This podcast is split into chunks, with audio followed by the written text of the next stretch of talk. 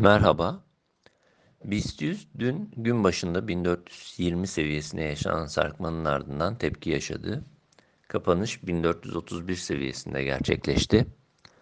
Endekste yakın destek bölgelerinden tepki çabası görmeye devam ediyoruz. Son 7 gündür 1420-1390 bandında yaşanan tutunmanın bir miktar iyimserlik işareti olduğunu belirtmemiz mümkün. Bununla birlikte endekste yukarı eğilim oluşması için ilk aşamada 1430-1440 bandı, sonrasında da 1470 seviyesi üzerine geri dönüşü gerekli görüyoruz.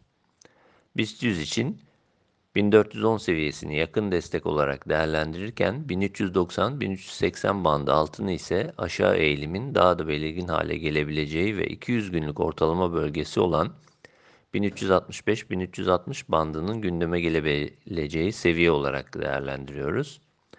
Bu paralelde BIST'te yukarı yön için 1440-1470 seviyesi, aşağı yön için ise 1385 seviyesi altındaki hareketler takip edilebilir.